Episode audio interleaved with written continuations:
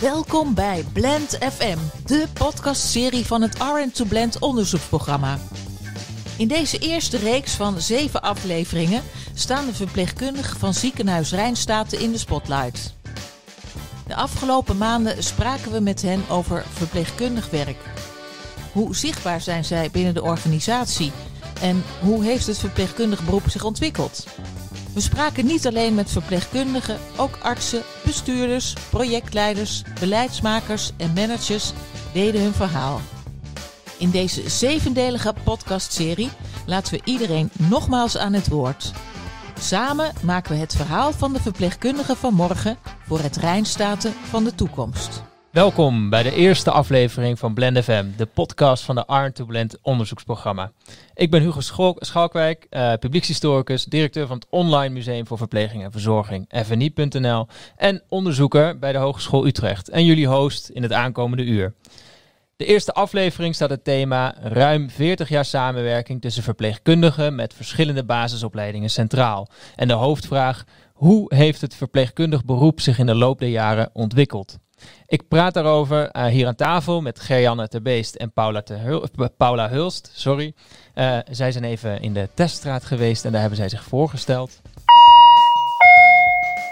Anne Terbeest, ik ben verpleegkundig specialist op de HIV-poli en ik ben voorzitter van de Verpleegkundige Adviesraad. Mijn guilty pleasure van morgen was om The Crown te kijken. Mijn hart gaat sneller kloppen als ik een nieuwe patiënt heb en ik kan al mijn verpleegkundige skills inzetten, zodat als die patiënt weer de spreekkamer verlaat, hij toch of zij een beter gevoel heeft en de zorg op een goede manier ingezet is. Paula Hulst, ik ben neurologieverpleegkundige binnen Rijnstaten. Ik ben lid van de VAR en ik werk op uh, de verpleegafdeling en een beetje op de poli. Ik ontspan van uh, humor. Wat wij doen is best wel zwaar en vreselijk soms ik denk dat wij wel veel te maken hebben met hele vreselijke momenten in mensenlevens. En dat humor dan, dat, gewoon, dat je daar even helemaal doorheen kan breken. En dat, dat geeft weer adem om door te gaan. En ik host deze podcast niet alleen, want naast mij zit Ariane. Ariane, wil jij je even voorstellen? Ja, dat wil ik zeker. Nou, leuk uh, om dat uh, mee te hosten. Ik ben uh, Ariane Slijkhuis, projectleider verpleegkundige van morgen. Daar kan ik een heel groot verhaal van maken, maar het gaat vooral over het voortdurend ontwikkelen van verpleegkundige zorg. En hoe doen we dat als team zijn? en hoe doen we dat met de verschillende functies die we hebben? De verpleegkundige, de gespecialiseerde verpleegkundige en de, de nieuwe functie regieverpleegkundige. En bovenal gaat het over positioneren van verpleegkundigen, verpleegkundige leiderschap. Dus niet alleen meedoen, maar ook gewoon mee praten en mee beslissen. En hoe krijgen we dat uh, nou mooi uh, neergezet? Dus uh, dat ben ik. Mooi. Nou, dit thema, dat is, het is zeker geen nieuw thema. Het speelt al een hele hoop jaren in de zorg natuurlijk. Um, daar gaan we deze, dit uur wat meer op in. Um, als historicus, uh, want ik ben geen verpleegkundige, ik ben historicus, schat ik als geen ander ervaring en uh, levenservaring altijd enorm op waarde. En nou, wie veel ervaring heeft, dat is Ingrid van Delft. Zij is uh, eh, 85 jaar en 40 jaar geleden nog volledig in de running. Radio Steunkous, de dames van Radio Steunkous, die gingen op pad om haar te spreken. Mijn naam is Ingrid van Delft. Mijn beroep vroeger was verpleegster. En mijn leeftijd is 85.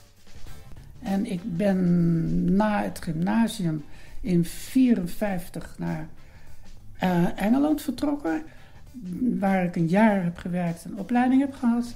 Daarna ben ik weer teruggegaan naar Nederland en heb ik mijn opleiding voortgezet op, op het uh, particulier ziekenhuis op de Prinsengracht. Opleiding was allemaal hetzelfde. Hooggeschoolde, of je nou eerste, tweede of derdejaars was, je deed hetzelfde werk. Ook de patiënt was koning. Je, je, was op, bijvoorbeeld ook verplicht om de, de kamer schoon te maken. Gewoon boenen en dweilen.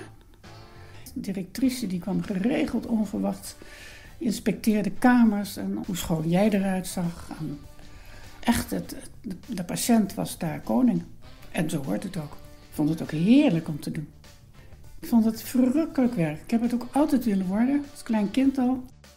Je had echt een band met een patiënt. Je had de tijd, de aandacht om de patiënt als mens te leren kennen. ik denk dat dat, dat nu gewoon door tijdsgebrek uh, en, en, en, personeelsgebrek totaal niet meer, meer kan. Wat misschien ook wel het, verschil was over de MeToo-beweging. Ik herinner me toen ik in opleiding was, toen ik operatiezuster was, dat, het, uh, dat er één arts was die, die ging dan uh, onder het langslopen, weet je, greep je zo even in je blouse, in, je, in mijn werk schort. We hadden schorten die, die zo met zo'n overslag. En uh, ja, eigenlijk, ja. Ik bedoel, nooit was iemand die er. Ik was niet de enige natuurlijk. Maar er was nooit iemand die er iets over zei. Die, die, die doktoren ook, en dat was ook als je geholpen had met operaties. De ene dokter deed keurig zijn operatiejas in de, zak die daarvoor klaar stond. En een ander smeet het gewoon op de grond. Dan kon jij het opruimen. Dat was niet de gewoonte dat je daar uh, iets van zei. Het woord kanker werd eigenlijk niet genoemd. Dat was ook iets wat toen niet werd gezegd. Je las het in, uh, als iemand van de operatiekamer uh, kwam, dan las je CA. En, maar vaak werd het de patiënt niet gemeld. Ik herinner me een man, eerste klas, die kwam uit Afrika. En die zou een paar maanden later trouwen. En, iedere, en hij kwam speciaal hier omdat hij bij een speciale chirurg geopereerd wilde worden. Ik geloof leven, maar ik weet het niet zeker meer. Ja, die was doodziek en die, die... Nee, die wist het niet. Nee, die vertelde mij de, dat hij na zaterdag, iedere zaterdag belde die aanstaande vrouw en die vertelde hoe ver de voorbereidingen waren. En die vrouw wist het ook niet. Dat werd gewoon niet verteld. Terwijl ik wist dat natuurlijk dat hij daar niet meer bij zou zijn. En ik kan, ik kan me ook niet meer vertellen dat daar, uh, dat daar discussies over waren hoor. Maar dat, dat, het gebeurde niet. De patiënt werd onwetend gehouden. En iedere week uh, kwam de neuroloog bij hem op bezoek. Een schat van een man hoor. Maar die ging dan ook mee in het verhaal van nou nog. Nu vind ik dat bespottelijk, maar toen was dat, was dat zo was, werd dat gedaan. Nou, dat uh, is een behoorlijk heftig verhaal. Ik, zag jullie een paar keer een beetje meeknikken. Ik zag één keer een slaande beweging van Paula. We kunnen denk ik wel een beetje raden bij welk moment dat was. Uh, maar het laat wel even zien, uh, dit uiteindelijk nog niet eens zo heel lang geleden, maar wat voor verandering het vak in de afgelopen tijd al heeft doorgemaakt. Um, daar verbleekt dit project bijna een beetje bij, vind ik dan. maar uh, uh, Gerjan en Paula, hebben jullie hier wat... Ik zag jullie een paar keer knik, een beetje knikken van herkenning. Op welke momenten was dat precies? Kan je dat uitleggen, Paula bijvoorbeeld? Dat er niet werd verteld wat er aan de hand was. Of maar deels. En dan werd dat ook niet gedeeld met... er kwam er een chirurg langs, die vertelde even gauw iets. En dan zag je even later een huilende patiënt. Had je geen idee wat er gezegd was. Heeft hij nou wel of niet van die uitzaaiing ook verteld? Bleek dan niet. Nou ja, onvoorstelbaar. Maar dat in, toen ik begon, was dat nog gewoon echt regelmatig het geval. En hoe was dat dan om als verpleegkundige tussen die arts en de patiënt te staan? Want het was niet aan jou om het te vertellen, maar aan de andere kant, je wist het wel natuurlijk. Ja, je wist het wel, maar dat mocht je dan niet zeggen, want mensen konden dat niet aan. Dat was het idee. In mijn tijd was er wel discussie. En mijn oudere collega die we net hoorden, die zei van er was ook geen, eigenlijk geen gesprek over. In mijn tijd was het wel zo. Dus er zat beweging in. Maar, maar heel gauw zeiden ze van nou, ik denk niet dat deze patiënt dat aan kan. Dat vonden ze gewoon te moeilijk om te zeggen natuurlijk. Heftig. Nou, we gaan verder. Uh, met, uh, want we, we hebben hier twee uh, mensen in de studio erbij. maar daarnaast hebben we ook nog andere verpleegkundigen gesproken. Namelijk, het is een oud verpleegkundige en een huidige verpleegkundige. Namelijk Jacqueline van Wilde en Els van Delen. zij konden helaas niet aanwezig zijn. Maar daarom is, heeft Radio Steunkousen van tevoren even opgezocht. Els liet er nog wel even weten dat ze het heel jammer vond. Maar ze zit helaas aan huis gekluisterd. Herstellende van een knieoperatie. Uh, zij stellen zichzelf even voor en vertellen waar hun hart, uh, denkende aan het werk, sneller van gaat kloppen.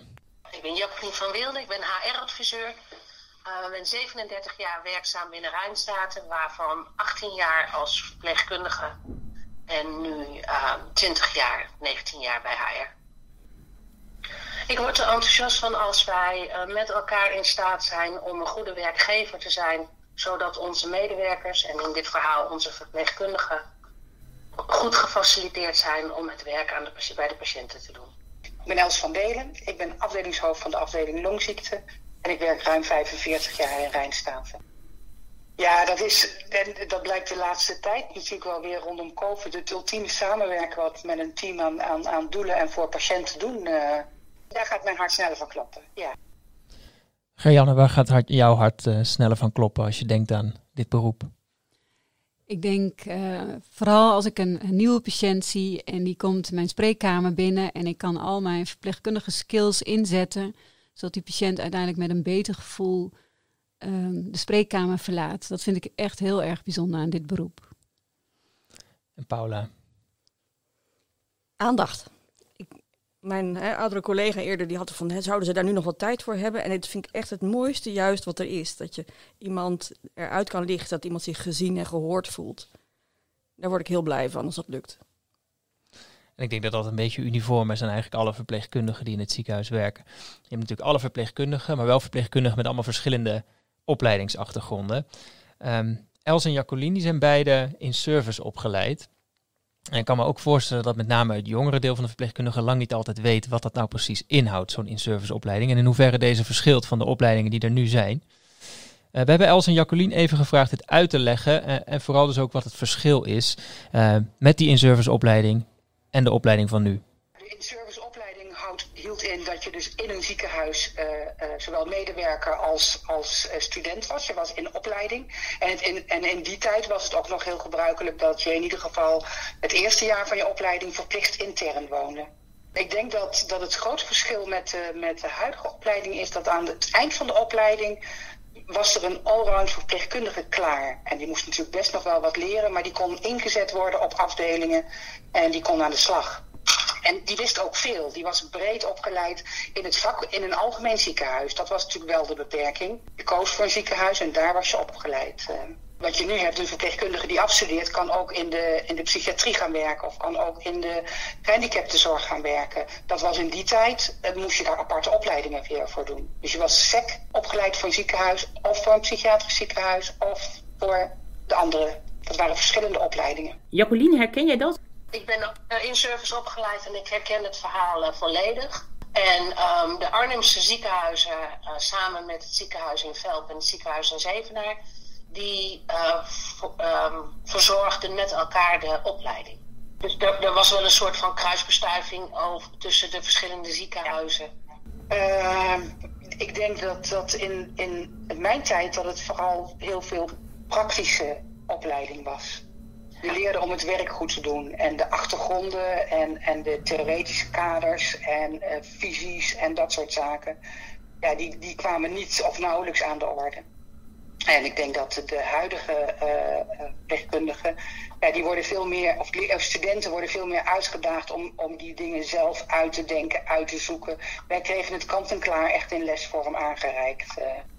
De eerste HBO-studenten moesten nog van school komen toen ik met mijn opleiding begon. Dus dat, die, die, ja, die waren volledig onbekend in de eerste jaren.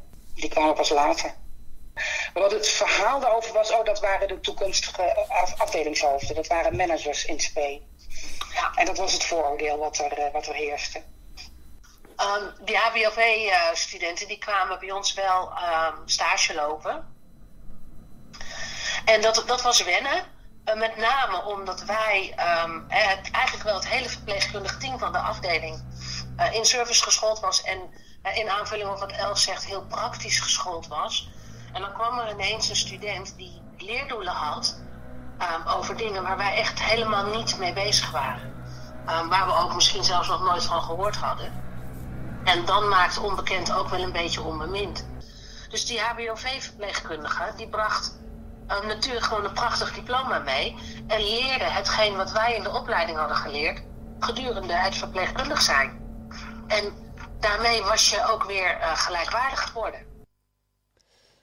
Nou, dat klinkt in ieder geval behoorlijk verschillend met de opleidingen nu. Uh, Paula, jij kan volgens mij als geen ander uitleggen wat nou een beetje het verschil is tussen beide opleidingen. Want jij hebt ze, jij bent HBOV afgestudeerd, maar je hebt daarvoor, ben je begonnen ooit aan de in-service opleiding of niet? Ja, dat klopt. Ik ben uh, begonnen met de in-service opleiding. En daar ben ik na twee jaar mee gestopt, omdat ik er me er niet, uh, niet, niet goed bij voelde. En uiteindelijk via uitzendwerk toch weer in de zorg terechtgekomen. En toen heb ik gedacht van nou, ik wil het wel. Ben ik HBOV gaan doen. En ik, ik zie helemaal het, het verschil wat Els en Jacqueline hier beschrijven. In de in-service werd ik opgeleid tot, tot, tot, tot, tot, werknemer. Uh, inderdaad, heel, heel praktisch en doen. En ideeën daarover, dat heb ik pas veel later geleerd op de HBOV. En toen ging er een wereld open, waar ik, waar ik, waar ik geen gehoor kreeg uh, tijdens die in-serviceopleiding. Dat vond ik in die HBOV-opleiding vond ik een hele mooie ver, verrijking. En toch de praktijk. Dus ik, ik heb nog steeds dingen die ik in die eerste jaren in de in-service heb geleerd, die, die ik nog weet en die ik, die ik toepas. Noem daar eens een voorbeeld van. Um, omkijken als je een zaal uitloopt. Dat is erin geramd in, een serviceopleiding. Even omkijken. En dan zie je dus dat iemand pff, uh, uit bed dreigt te vallen. Dat er, uh, dat er nog rommel staat of dat er iets gevaarlijks gebeurt. Dan loopt het infuus nog wel. Dat is, er, er zijn wat dingen ingedrild. bedden goed opmaken. En het, het, klinkt heel bazaal, is het ook. Maar als je dat niet doet, dan krijgen mensen decubitus. Want dan liggen ze op allemaal plooien. Ja, en het nadenken over hè, wat je zei vanuit de HBOV. Wat, wat, wat, wat heeft je dat gebracht? Dat je zei van ja, ik zag het anders. Om breder te kijken. Zoals? Om aandacht te hebben voor meer aspecten. In onze in-serviceopleiding gingen drie, drie maandjes over uh, ja, een theorietje. En daarna huppatee aan de slag. Ja. En dan leerde je ziektebeelden. Maar niet meer over mensen en hoe je, hoe je iemand kan helpen, hoe je kan coachen, hoe je kan begeleiden. Kan jij daarin vinden, Gerjanne? Ja, ik denk dat het klopt. Ik ben HBOV opgeleid en uh, afgestudeerd in 1990. En toen werd er meteen tegen mij gezegd van we snappen niet dat jij bent aangenomen, want je kunt niets. En um, ik denk dat vooral ook uh, de mensen die nu afstuderen op de HBOV echt goed leren om overstijgend te denken, op een andere manier naar zorg te kijken. En ik denk dat dat uh, ook heel waardevol is. Ja, want dat je, je kunt niet, dat is iets wat, je, wat, ik, wat ik zelf ook vaker heb terug, nou niet voor over mezelf, maar inderdaad wat je, als je praat over de HBOV en toen het net kwam inderdaad, uh, hoog opgeleid, maar uh, dat moest inderdaad onze leidinggevende worden bijvoorbeeld. Dat was in het begin ook wel echt een idee van die HBOV, zijn ze wel heel snel op teruggekomen. Um, maar wat ik ook heel vaak hoor is inderdaad, uh, ze konden nog geen bed opmaken ik vind dat ook altijd een hele bijzondere uitspraak. Maar dat is dus wel een beetje tekenend voor, voor de begintijd van die HBOV, zoals jullie die ook misschien een beetje beleefd hebben. Want hoe, hoe was dat? Neem, neem ons eens mee op je eerste werkdag bijvoorbeeld. Um, nou, we hadden wel onze stages gehad, dus ik had al wel aan bed gestaan. Maar hoe de zorg in elkaar zat en hoe je een patiënt verzorgde, dat hadden wij op school niet geleerd. En zo'n eerste dag was voor mij een rollercoaster, want ik hoorde zoveel informatie over die patiënt en over die zorg. Dat kwam mij helemaal niet bekend voor.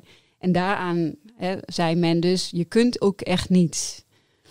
En ik heb het geluk dat ik goed ben ingewerkt. En ik heb echt twee jaar lang aan bed gestaan, basiszorg gedaan. En ik heb het gevoel dat ik het nu wel kan. Of kon, toen in ieder geval. Ja, dan sta je dan met je theorieën en je modellen, zeggen ze dan. Precies. Ja, kan je daar nog eens een voorbeeld voor geven, even ook voor de luisteraars? Wat was bijvoorbeeld zo'n model dat jullie dan uh, op, op school kregen, waarvan je aan het bed uiteindelijk dacht van, oh.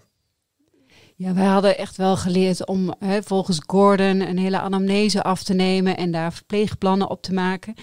En in, toen ik begon met werken, daar was geen tijd voor een verpleegplan. Je schreef gewoon op wat die patiënt, uh, of die goed had geslapen en niet.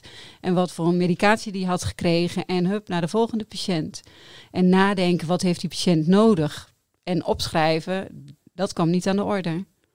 Was daar geen tijd voor of was de focus anders? Ik denk dat vooral de focus anders was. Ja, want we beginnen nu al langzaam naar verandering in het werk te gaan. Want het, ja, met de opleiding is ook het werk natuurlijk enorm veranderd in, die, in, die, in de afgelopen decennia. Um, in het volgende fragment waar wij naar gaan luisteren, uh, vertellen Jacqueline en Els uh, wat er in hun ogen ook nog allemaal is veranderd in het werk met vroeger. En Els die begint ermee. Grote verschillen zijn, denk ik, dat, dat een heleboel werkzaamheden zijn weg, weggenomen omdat er nu ondersteunende diensten zijn ontstaan.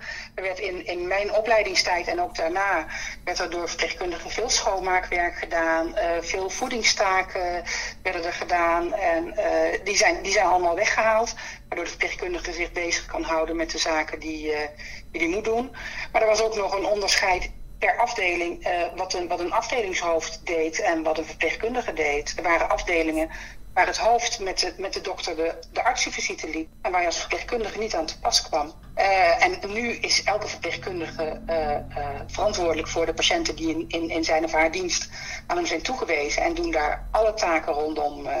en ja, ik denk als ik terugkijk, van, er waren zaken die. die echt anders waren. De, hoeveelheid disposables was nog niet aanwezig zoals dat nu is.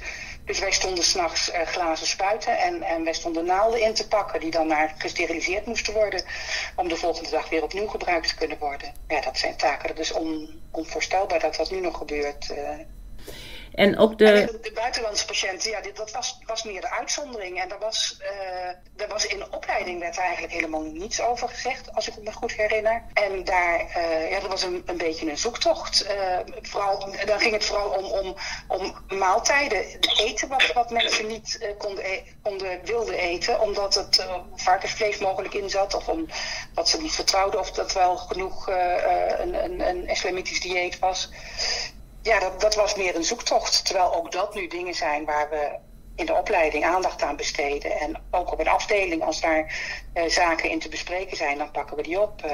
Kan je ook zeggen dat de patiënt vroeger anders was dan, uh, waardoor ook het zorg anders georganiseerd ja. moest worden? Ja. Dit is Jacqueline?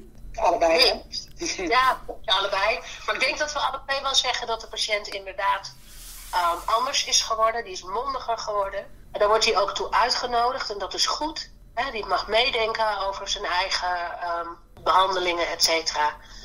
Ja, het effect van uh, een mondigere maatschappij vindt natuurlijk ook uh, gewoon op de verpleegafdeling plaats. Ja, en dan heb je Els als aanvulling. Um, ik denk dat de patiënt is ook veel zieker dan dat hij toen was. Uh, als ja. ik naga dat een patiënt bij ons een week lag na een blinde darmoperatie. En dat dat nu bijna een polyklinische handeling is dan, ja, dat is dan maar één voorbeeldje. Maar uh, mensen lagen weken voor een maagsfeer te kuren. En, en die waren echt niet ziek. Die zaten op, in de dagverblijf, dat zat vol. Met mensen die zaten potjes te kaarten. En, en, en ja, dat is echt, echt voorbij. En dat doet natuurlijk ook echt wat met welk beroep je doet op de verpleegkundige. Daar waar je toen een afdeling vol kon hebben, met misschien wel de helft van de patiënten zoals Els die nu schetst, um, is dat nu ondenkbaar. Die afdeling ligt nog steeds vol, alleen wel met patiënten die allemaal een hoge zorgbehoefte hebben. Want zodra ze die hoge zorgbehoefte niet meer hebben, gaan ze naar huis. Dus de, de druk daarmee op de afdelingen die is hoog. Ja, die is anders. Grote verschillen zo te horen. Uh, Paula, als ik jou vraag, wat is nou het grootste verschil van toen jij begon met werken, het eerste jaar dat je werkte en nu? De hoofdzuster liep visite. Daar kwamen wij hem niet aan te pas. Die liep met de dokter overal langs. En dan, nou ja, de hemel weet wat ze bespraken, want daar waren wij niet bij. Ondertussen liepen wij praktische dingen te doen. En als je dan iets vond van die meneer die heeft toch wel erg veel pijn, dan gaf je dat door en dan werd dat opgepakt of niet. En nu is het zo dat ik mijn eigen patiënten heb ja. en zelf met de dokter bespreek en alles wat ik zie direct uh, op tafel breng. En um, daar verantwoordelijkheid in heb. Dat, uh, dat is denk ik echt wel een groot verschil. Als ik dan zie hoe in, nou ja, zo heel lang, bedoel, is het nou ook weer niet geleden dat dat gebeurde. Hoeveel er wat dat betreft ten goede is veranderd. Ben ik heel benieuwd van wat, hoe ik daar over tien jaar dan weer terugkijk op wat we nou aan het, aan het verzinnen zijn. Tof. Ja.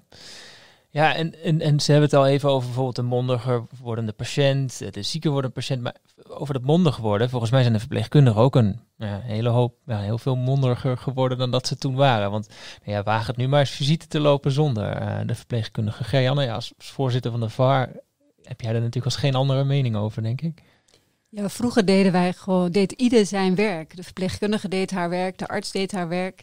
De patiënt lag te liggen, die had niet zoveel te zeggen. En nu doen we het vooral samen. De patiënt heeft een, een stem in de zorg. De verpleegkundige met haar verpleegkundige expertise. De arts met zijn medische kennis en expertise. Dus je doet het veel meer samen. En dat is wel echt een verschil met vroeger, waar het veel meer gefragmenteerd was.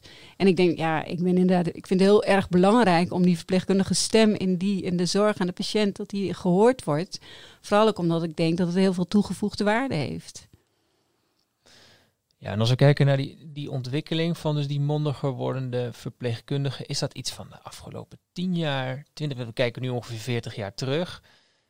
Kunnen jullie daar een beetje een beeld van geven? Even dat we het allemaal voor ons hebben. 30? 30 jaar? Ik, ik ben er een tijdje uit geweest. Op een gegeven moment kwam ik er weer in. Dat was in de negentiger jaren. En toen was het verschil dat uh, als je met een patiënt zat te praten, dat dat gezien werd als werk. En eerder was mijn ervaring dat je dan met een doekje nog ergens over stond te poetsen om, om de indruk te geven dat je in ieder geval iets nuttigs aan het doen was. Want zomaar met een patiënt praten is natuurlijk een beetje vreemd. En dat, dat verschil, 90 jaren denk ik. Misschien met de woede mee. De witte woede. De witte woede. Ja, dat is, dat is een prachtige episode uit, uh, uit de geschiedenis van de verpleegkunde. Uh, is van alles over te vinden overigens op fni.nl. Mochten de luisteraars daar nog wat, uh, wat over willen lezen natuurlijk. Um, we gaan verder, uh, want wij hebben namelijk de deelnemers aan deze podcast en aan het onderzoek Art to Blend gevraagd ook uh, muzieknummers in te sturen. Uh, om zo tot een playlist over nou ja, het, het, het gedifferentieerd werken te komen. Um, dat mag van alles zijn natuurlijk. Het kan vrolijk zijn, boos of wat er dan ook in diegene opkomt. Uh, hiermee hopen we dus ook gewoon een unieke Rijnstaten playlist te maken. Uh, dat ook nou ja, dit onderzoek een beetje kan, kan belichamen. De projecten verpleegkundigen van morgen mooi een nieuwe body kan geven. En het eerste nummer dat we daaraan toevoegen komt van Jacqueline. En dat is Coldplay met Viva la Vida.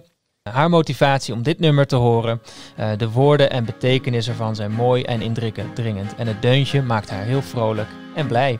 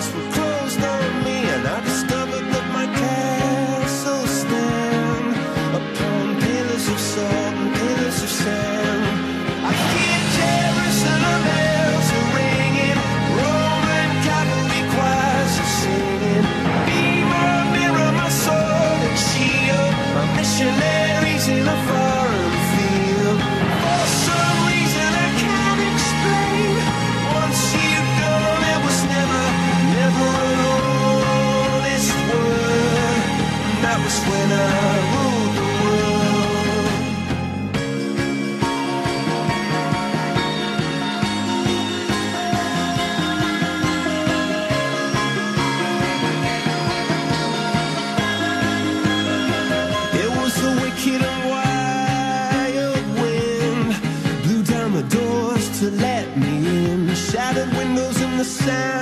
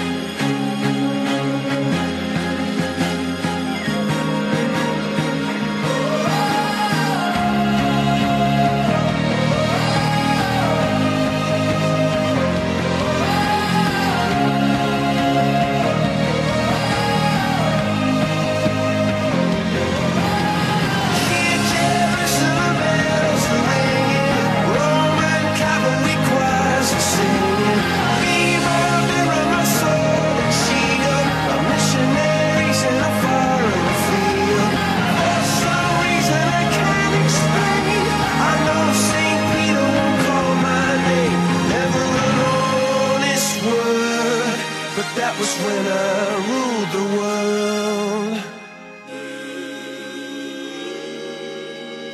We zitten natuurlijk, we zaten echt een beetje in de geschiedenis. Nou ja, een beetje her en der kriskras door de tijd heen gesprongen. Beginnen bij 40 jaar geleden. En eh, zo zijn we daar doorheen, eh, doorheen gewandeld. Eh, we gaan nu ook gewoon langzaam naar het nu. Want we zitten natuurlijk immers bij het project Verpleegkundigen van Morgen. En ik denk dat, dat ik even aan Gerjanne wil vragen. Inderdaad, van hoe zie jij ehm, dat de verpleegkundige van morgen de zorg gaat verbeteren? Ik denk dat uh, het verpleegkundige van morgen verpleegkundige leert om uh, op een andere manier naar de zorg te kijken. En we doen heel veel dingen goed, maar we vergeten wel eens om na te denken, doen we het goede? Hè? Leveren we de goede zorg? En ik denk dat de verpleegkundige van morgen verpleegkundige aanzet om daarover na te denken. Gezamenlijk met het team, van doen we, hè, leveren we de juiste zorg en de zorg die deze patiënt nodig heeft. Ja, en dat gaat ook heel erg volgens mij op uh, anticiperen uh, op inderdaad de toekomst. Want Ariane, jij bent natuurlijk uh, ook een van de trekkers van dit, van dit project. Um, waarom heet het nou de verpleegkundige van morgen? Uh, omdat je eigenlijk aan het leren bent, de verpleegkundige en het team, van wat komt er nou morgen op ons af? En zijn we daar dan op voorbereid? En dat is een super uitdaging, want ja, je weet niet altijd welke skills je morgen nodig hebt. Dus hoe gaan we dat dan ontwikkelen? Dus je bent vooral met elkaar aan het kijken van, nou, wat, hè, hoe kunnen wij wel erop letten? Hoe kunnen wij hè, de toekomst in kaart brengen? Hoe kunnen wij nadenken over het werk wat we doen? Um, en met elkaar. Want je hebt eigenlijk alle varianten nodig. Gewoon verpleegkundigen die uh, echt uh, de basiszorg moet zeker gedaan worden. De patiëntenzorg is belangrijk. Dus in het hier en nu moeten we het werk goed doen kwalitatief goed doen. En tegelijkertijd hebben we ook verpleegkundigen nodig die nadenken over, maar wat komt er dan op ons af? En hoe verhouden wij ons daar dan toe? En ook veel eerder in trajecten. We willen heel graag technologisch vooruit gaan en dat, is hartstikke belangrijk. Dat komt allemaal op ons af. Dus hoe kunnen wij als verpleegkundigen daar snel aan tafel zitten, zodat we begrijpen wat er, uh, wat er op ons afkomt, hoe we daarmee om kunnen gaan. En vervolgens heb je dan, doordat je in het voortraject je stem hebt laten kunnen horen, dat je mee hebt gedacht, heb je in het natraject, ja, dan voel je het veel makkelijker uit hè, wat er op je afkomt. Dus dat is uiteindelijk wel. En er zitten zoveel mooie ideeën bij die mensen. Het is echt geweldig. Dus dan kom. Ja. Ja, mooi. En, en, en iets wat je veel hoort en wat je in de onderzoeken veel hoort, is ook weer toch het professionaliseren van de verpleegkundige. En Paul, ik ben heel benieuwd wat jij daar precies onder verstaat. Wat is dat nou, professionaliseren? Emancipatie? Zoiets? Ik denk dat. Uh, Het is niet zo dat we het eerst helemaal fout deden. Hè? Sommige mensen reageren van als er nu blijkbaar iets anders moet, uh, bedoel je soms dat we het allemaal niet goed deden deze jaar? Nee, nee ik denk dat daar gaat het helemaal niet om. We gaan alleen, de, alles verandert een beetje en, en daarin moeten we in mee. En um, dat, als je emancipeert, dat je meer opkomt voor wat je zelf, uh, wat je zelf ergens van vindt. En um, volwassen omgaan met mensen om je heen. Uh, respect hebben voor iedereen, aandacht hebben voor iedereen. Emancipatie. Ik vind het heel mooi dat je dat zegt inderdaad, want dat is het gevaar altijd. Ook als historicus moet je er altijd op beducht zijn dat je de geschiedenis niet benadert als een lineair traject van vroeger was alles slecht en nu is alles beter. Eén uh, grote uh, ja, narratief van vooruitgang. Maar dit laat als geen ander zien natuurlijk hoe veranderlijk de wereld is en wat voor processen we steeds nou. Jij zei net aan het begin van uh, toen we de, de verpleegkundige hoorden van 85. Zegt, als je die ontwikkeling ziet en naar nu, dan vervaagt het project een beetje bij. En toen dacht ik, oh. En toen dacht ik, ja, echt mooi hè, dat het project erbij vervaagt. Want daardoor zeg je, we komen al van heel ver. Dus we hebben al heel veel dingen gedaan. Dus het is echt, uh, nou, op naar de volgende fase. Dus als we weten waar we vandaan komen, dan is het ook mooi. Dan kunnen we ook goed kijken waar we naartoe gaan. Ik vind het echt uh, uiteindelijk wel heel mooi. Ja, ja precies. Sorry. Wij gaan uh, terug naar het interview met uh, Els en met Jacqueline. En Radio Steunkous legde hen de vraag voor. Um, wat betekent dat voor jullie? Voorop lopen in de zorg. En hoe zouden zij het, hun team willen begeleiden om uiteindelijk ook tot die beste zorg te komen? Nou ja, de, de, de, de beste zorg geven. En wat dat beste dat is, dat, is, dat verschilt per afdeling en, en, en, en per specialisme, denk ik. Ja, ja. Um, vooroplopen in de zorg betekent voor mij um, dat je uh, inderdaad de ontwikkelingen die er zijn goed volgt. Uh, alles in afstemming natuurlijk met het, uh, het effect van het, de medische ontwikkelingen en de interventies die daarbij horen. Om zo je verpleegkundige zorg um, zo goed mogelijk in te richten. zorgen dat je, dat je binnen je team een, een, een goede samenstelling hebt van mensen met ervaring en met wat minder ervaring die elkaar helpen. Dat we als team teamwork leveren. En ehm, ja, ik heb, ik heb nou niet heel specifiek uh, een, een heel specifiek begeleidingsidee daarin.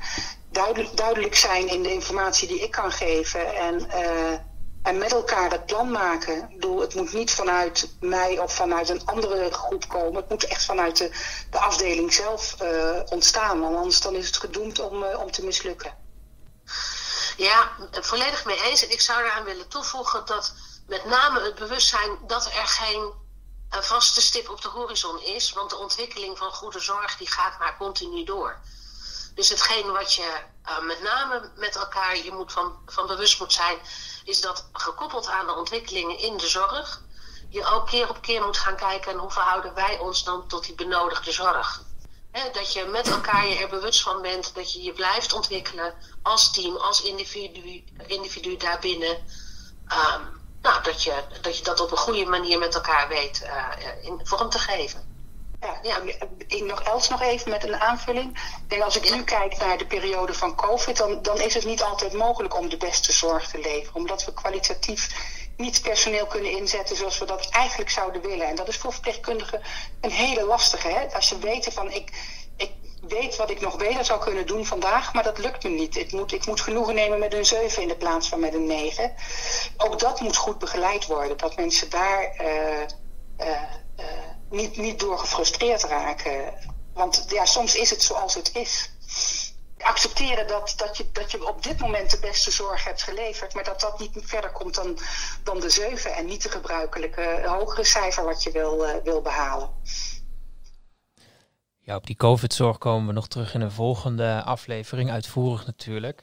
Um, ik ben voor nu nog wel even benieuwd naar wat dat voor oplopen in de zorg voor jullie betekent. Uh, Gerjanne, heb jij daar een mening over? Nou, ik sluit wel heel erg aan wat Els en Jacqueline zeggen. Ik denk dat vooroplopen in de zorg ook, ook steeds weer nadenken is, uh, wat heb ik nodig om die goede zorg te leveren? Dat verandert, want de toekomst verandert, dus we hebben andere zaken nodig. En dat je dan ook als verpleegkundige niet bang bent om dat te sprake te stellen. Eerst in je team, maar als je daar niet verder mee komt in de organisatie. Dus dat je op die manier ook je stem durft nou ja, laat horen. En ik denk dat dat voor mij in ieder geval voorop lopen in de zorg is. Ja, en um, hoe helpt de verpleegkundige van morgen daarbij? Ja, ik denk dat de verpleegkundige vanmorgen, zoals Arianna net ook al zei, ook verpleegkundige skills leert om daarmee om te gaan. En ook um, leert dat iedereen zijn eigen vaardigheden heeft. Dat een, een, iemand die al jaren aan het bed staat, heeft hele goede vaardigheden om die patiënt te verzorgen. Maar iemand die net van de HBV komt, heeft andere vaardigheden aangeleerd om op bijvoorbeeld een overstijgende manier naar de zorg te kijken en te kijken van Misschien moeten we de zorg anders organiseren, zodat, hè, zodat het beter wordt. Of meer hè, beter in deze toekomst. En ik denk, ik kom toch nog heel even kort terug op de COVID. Ik denk dat juist in deze periode heel goed is gebleken hoe verpleegkundigen kunnen laten horen wat ze nodig hebben. En als daar gehoor aan gegeven wordt, hoe je dan toch, ondanks alle moeilijke omstandigheden, kunt komen tot goede zorg. Ja, het wordt in één keer heel duidelijk ook hè, wat die meerwaarde van de verpleegkundige nou natuurlijk uh, eigenlijk is door die hele COVID. Dat maakt het natuurlijk enorm, uh, enorm zichtbaar. Paula, heb jij nog aanvullingen hierop? Nee, eigenlijk niet. nee, eigenlijk niet. Wat, wat, wat, wat zegt. Misschien is het goed om uh, ook te kijken naar hoe zit deze organisatie in elkaar. Dan heb je een beter beeld van wie je nou waarvoor moet hebben. Dat, dat weten we eigenlijk niet zo heel erg op de vloer. En dan geven we iets door van ik zou eigenlijk liever een bepaald apparaat willen. En dan zegt er iemand, ja, daar is geen geld voor. En dan houdt het daar op. En er zijn natuurlijk best meer dingen mogelijk. Um, en het is goed om te weten hoe je, welke kanalen je daarvoor moet volgen. Ja, en ik kan me voorstellen dat op het moment dat je dus de verpleegkundige daarin verder ontwikkelt, dat je ook kijkt van hoe de organisatie daar omheen georganiseerd is en of die nog past. Of dat er veel meer rondom of in het team belandt op den deur. Dat is wel heel mooi. En het is best een spanning hè, om, om, om, je zo te ontwikkelen en ondertussen natuurlijk die patiëntenzorg moet laten draaien. Dus dat is wel een uitdaging voor de verpleegkundigen van morgen, voor de verpleegkundigen van de toekomst. Hoe doen we dat? Efficiënt, effectief en toch ook klaar voor morgen. Ja. Ja. Want wij gaan eh, verder nog met, met Els en Jacqueline. Uh, en wij, uh, Radio Steunkous heeft hen gevraagd hoe dat verpleegkundig beroep zich in de afgelopen jaren nog verder heeft ontwikkeld. Geweest en ik weet niet of dat altijd keuzes zijn geweest gericht op de beste zorg in een algemeen ziekenhuis. toch heb ik altijd nog wel een beetje heimwee naar de oude in-service-opleiding, waar we zo degelijk vandaan kwamen.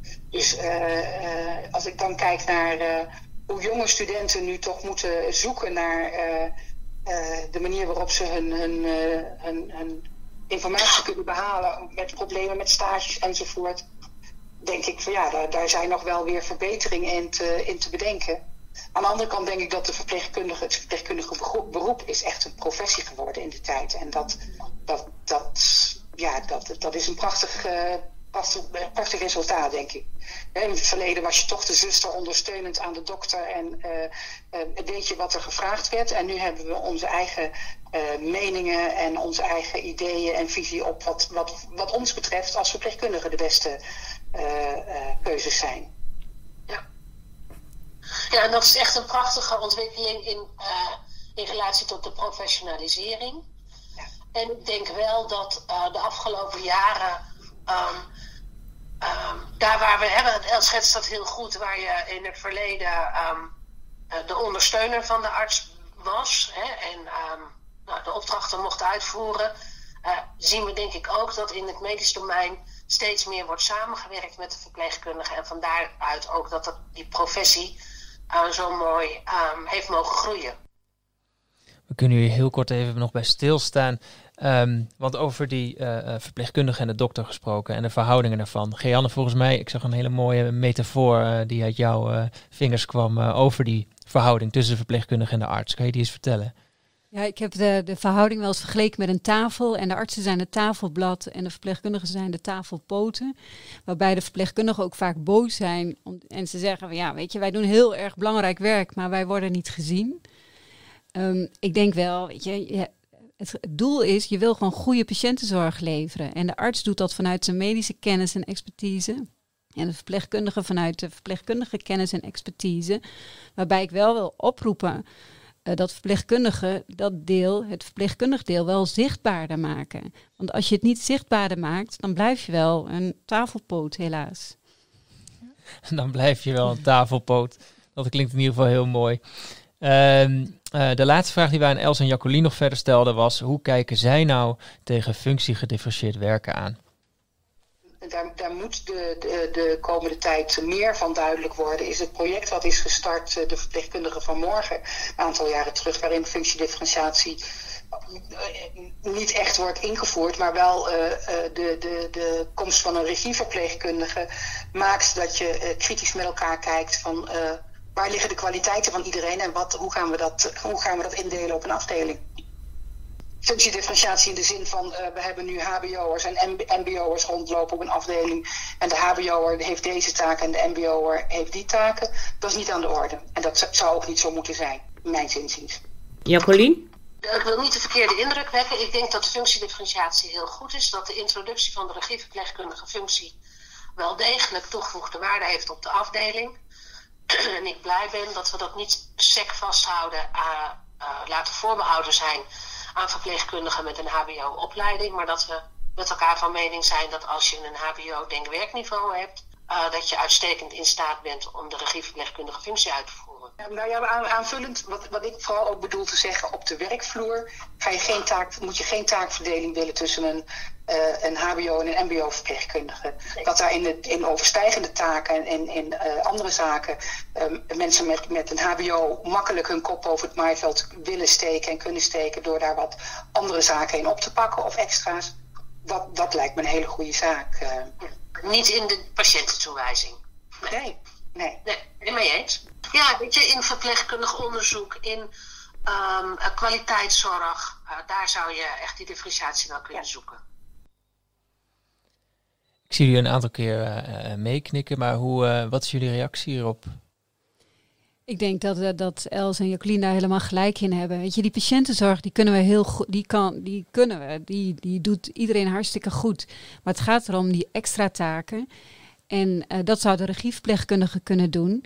Ik denk wel dat het echt een uitdaging wordt voor de regieverpleegkundige om daar ook tijd voor te nemen, zodat zij die extra taken kan doen. Maar dat zal de toekomst blijken. Ja, want waarom is dat, uh, is dat zo belangrijk? Is het dan toch een, een gevaar dat de regieverpleegkundige zich nog te veel moet bezighouden met de andere taken in de directe zorg? Is dat wat je bedoelt? Ja, dat bedoel ik. Weet je, we hebben toch wel een personeelstekort.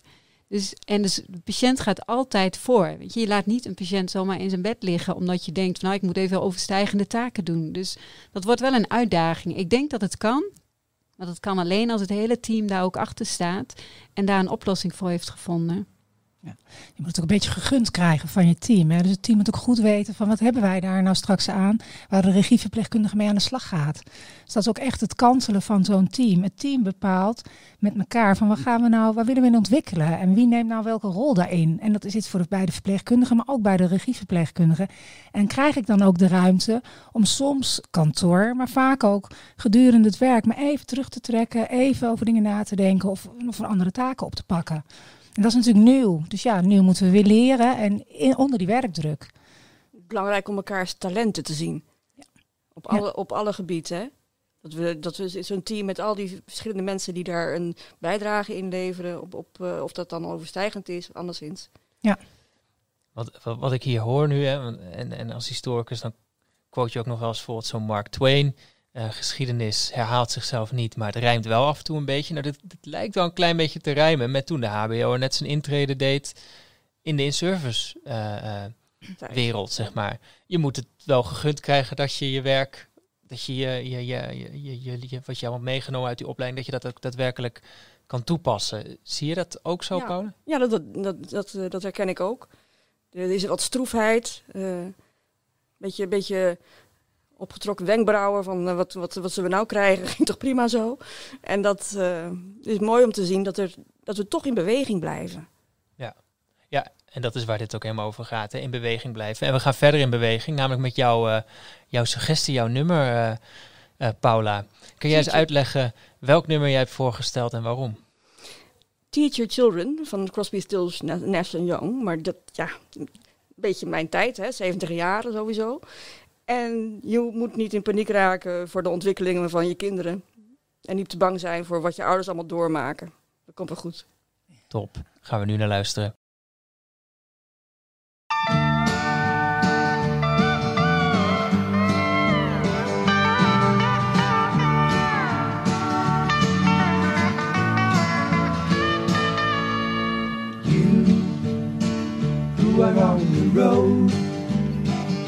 Must have a code that you can live by.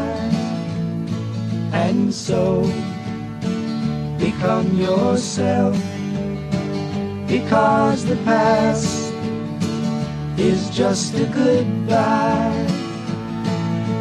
Teach your children well their father's hell did slowly go by and feed them on your dreams. The one they picked, the one you know by. Don't you ever ask them why, if they told you you would cry. So just look at them and sigh.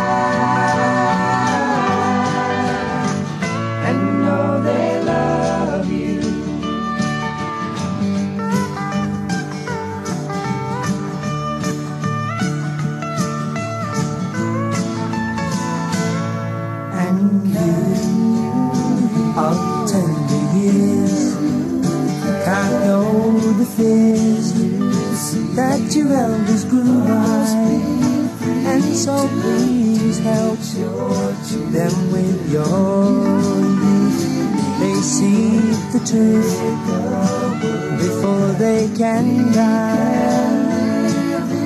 Teach your parents well, their children's hell will slowly go by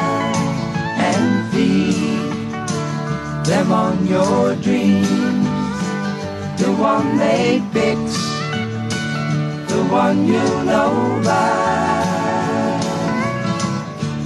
Don't you ever ask them why. If they told you, you would cry. So just look at them and sigh.